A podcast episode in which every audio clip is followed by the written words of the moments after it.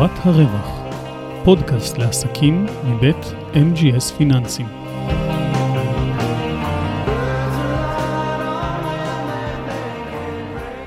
שלום לכולם, ברוכים הבאים לפודקאסט שורת הרווח של MGS פיננסים.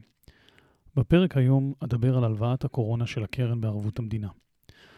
מגפת הקורונה שפרצה לחיינו בתחילת שנת 2020 טרפה את הקלפים ושינתה סדרי בראשית בכל מה שנוגע לדרך שבה עסקים פועלים.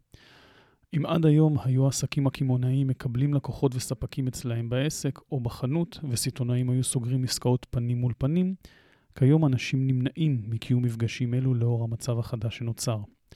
והכל הפך להיות בשלט רחוק באמצעות טלפונים, שיחות וידאו ומכירות אונליין.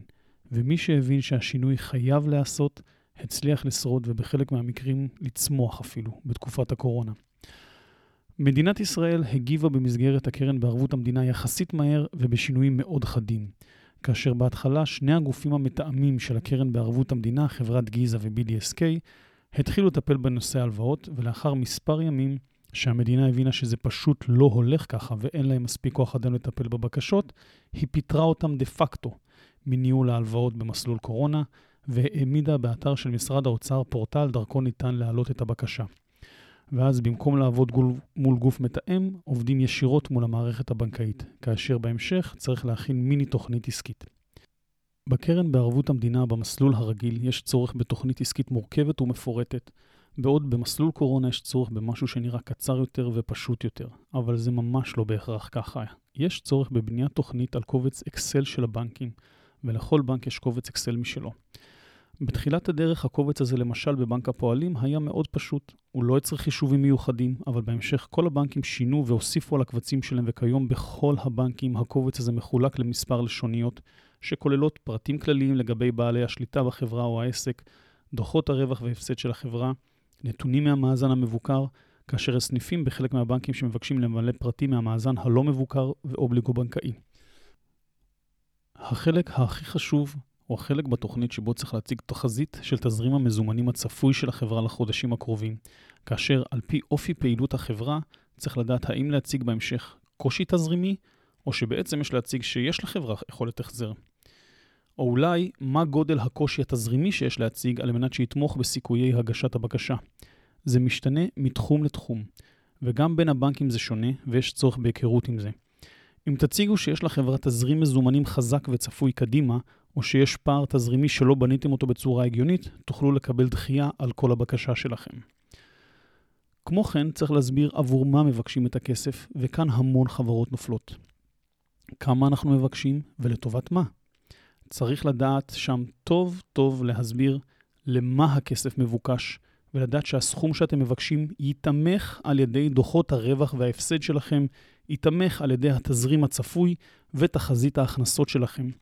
ללא ידע מתאים, אנשים יכולים להכשיל את הבקשה שלהם, או אם יש להם מעט הבנה, לגרום לכך שיאשרו להם סכום הלוואה מגוחך ביחס לצורכי ההון האמיתיים שלהם הנובעים מהקורונה. אז למה בעצם חייבים תוכנית עסקית? לא רק בשביל בקשת האשראי של הקרן בערבות המדינה במסלול קורונה, אלא גם כדי שהבנק יראה שעובד מולו בן אדם מסודר, שיודע לאן הוא הולך ומה הוא רוצה לעשות. שהלקוח מבין את פערי האשראי שיש לו וכמה כסף הוא צריך ולטובת מה. התוכנית העסקית, בעיקר בתקופה הנוכחית, חשובה מאוד על מנת שהבנק גם יכיר את הבעלים ויבין מה הכיוונים שלו עם הכסף בימי קורונה, כמו גם בימים רגילים. להבין מה הבעלים רוצה לעשות, לאן להתפתח ובמה הוא רוצה להשקיע. למרות שאדם יכול לבוא ולמלא לבד את המסמכים, חשוב שהתוכנית תהיה נכונה ומקצועית ותנמק את מצבו של העסק. למרות שאדם יכול לבוא ולמלא לבד את כל המסמכים, חשוב שהתוכנית תהיה נכונה ומקצועית ותנמק את מצבו של העסק. וכאשר מדובר בהגשה מורכבת, חשוב לדעת לתת מענה מקצועי וענייני בכל הנושאים שנשאלים, על מנת לקבל את מלוא הזכאות ולא זכאות חלקית או אפילו דחייה. יש גם חשיבות לבוא דרך גוף שמכירים אותו במערכת הבנקאית כמו בתוך הקרנות עצמן. התנאים של ההלוואה ודרך ההגשה השתנו כאמור מספר פעמים לאורך הדרך, ונכון לדצמבר 2020 ההלוואה היא לחמש שנים, שזה אומר 60 תשלומים, כאשר מראש אתה מקבל גרייס של שנה, שזה אומר שבשנה הראשונה אתה לא מחזיר את ההלוואה בכלל, אלא המדינה, במקרה של הלוואת קורונה, המדינה משלמת עבורך את הריבית, ורק אחרי שנה אתה מתחיל להחזיר את ההלוואה.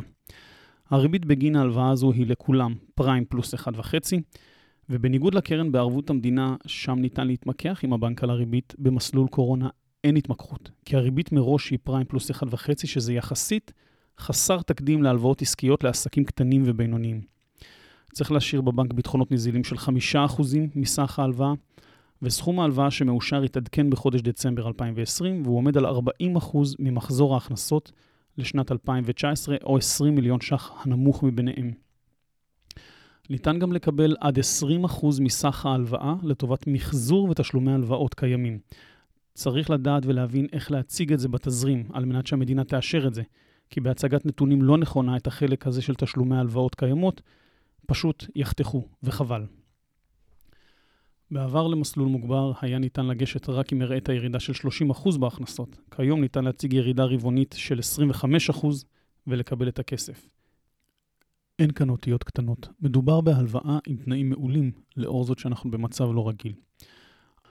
ההלוואות האלה טובות לכל עסק שיראה שהוא נפגע מהקורונה, ומראים את זה באמצעות דוחות המע"מ של החברה, שמראים את הירידה בהכנסות. רובן המוחלט של החברות חוו את עיקר הירידה בחודשי הסגר, שזה מרץ 2020, ספטמבר 2020 ודצמבר 2020. כמו כן, קצת מספרים לגבי הקרן הזו על מנת שיסברו את האוזן. מתוך 100 אלף תוכניות שהוגשו, נכון לדצמבר 2020, 38 אלף תוכניות נדחו. וסך הכל המדינה חילקה מעט מעל 20 מיליארד ש"ח. ליתר הבקשות שאושרו כמובן. בקרן של העסקים הגדולים, במסלול קורונה מתוך 60 תיקים שהוגשו סך הכל, 14 אושרו, והם קיבלו 2 מיליארד ש"ח. לפי הנתונים שיש אצלנו, שעומדים בהמשך לנתונים של המדינה, אכן רובן המוחלט של הבקשות שהוגשו אושרו. אם כי נתון שהמדינה לא מפרסמת כרגע, ולכן בהתאם לנתונים שיש אצלנו, כמו קולגות ששאלנו אותם, למרות שהזכאות היא 40% ממחזור 2019, לדוגמה, אם המחזור שלי היה 10 מיליון ש"ח, אני יכול לקבל, תאורטית, 4 מיליון ש"ח. בפועל, הרוב המוחלט של החברות שהוגשו אצלנו ואצל קולגות קיבלו משהו בין 5% עד לכל היותר 10% מהמחזור. כאשר את הסכומים של 25% מהמחזור, הלוואה וצפונה, קיבלו לרוב החברות והעסקים הקטנים. יש בזה מין ההיגיון, כי טענת המדינה היא שלמעשה אין לחברה עם מחזור של למשל 10 מיליון ש"ח, צרכי אשראי בעקבות הקורונה בלבד של 4 מיליון ש"ח. עד כאן לפרק הזה. בפרק הבא אשוחח על התנהלות נכונה מול הבנקים ואיזה בנק נכון וטוב לעבוד מולו.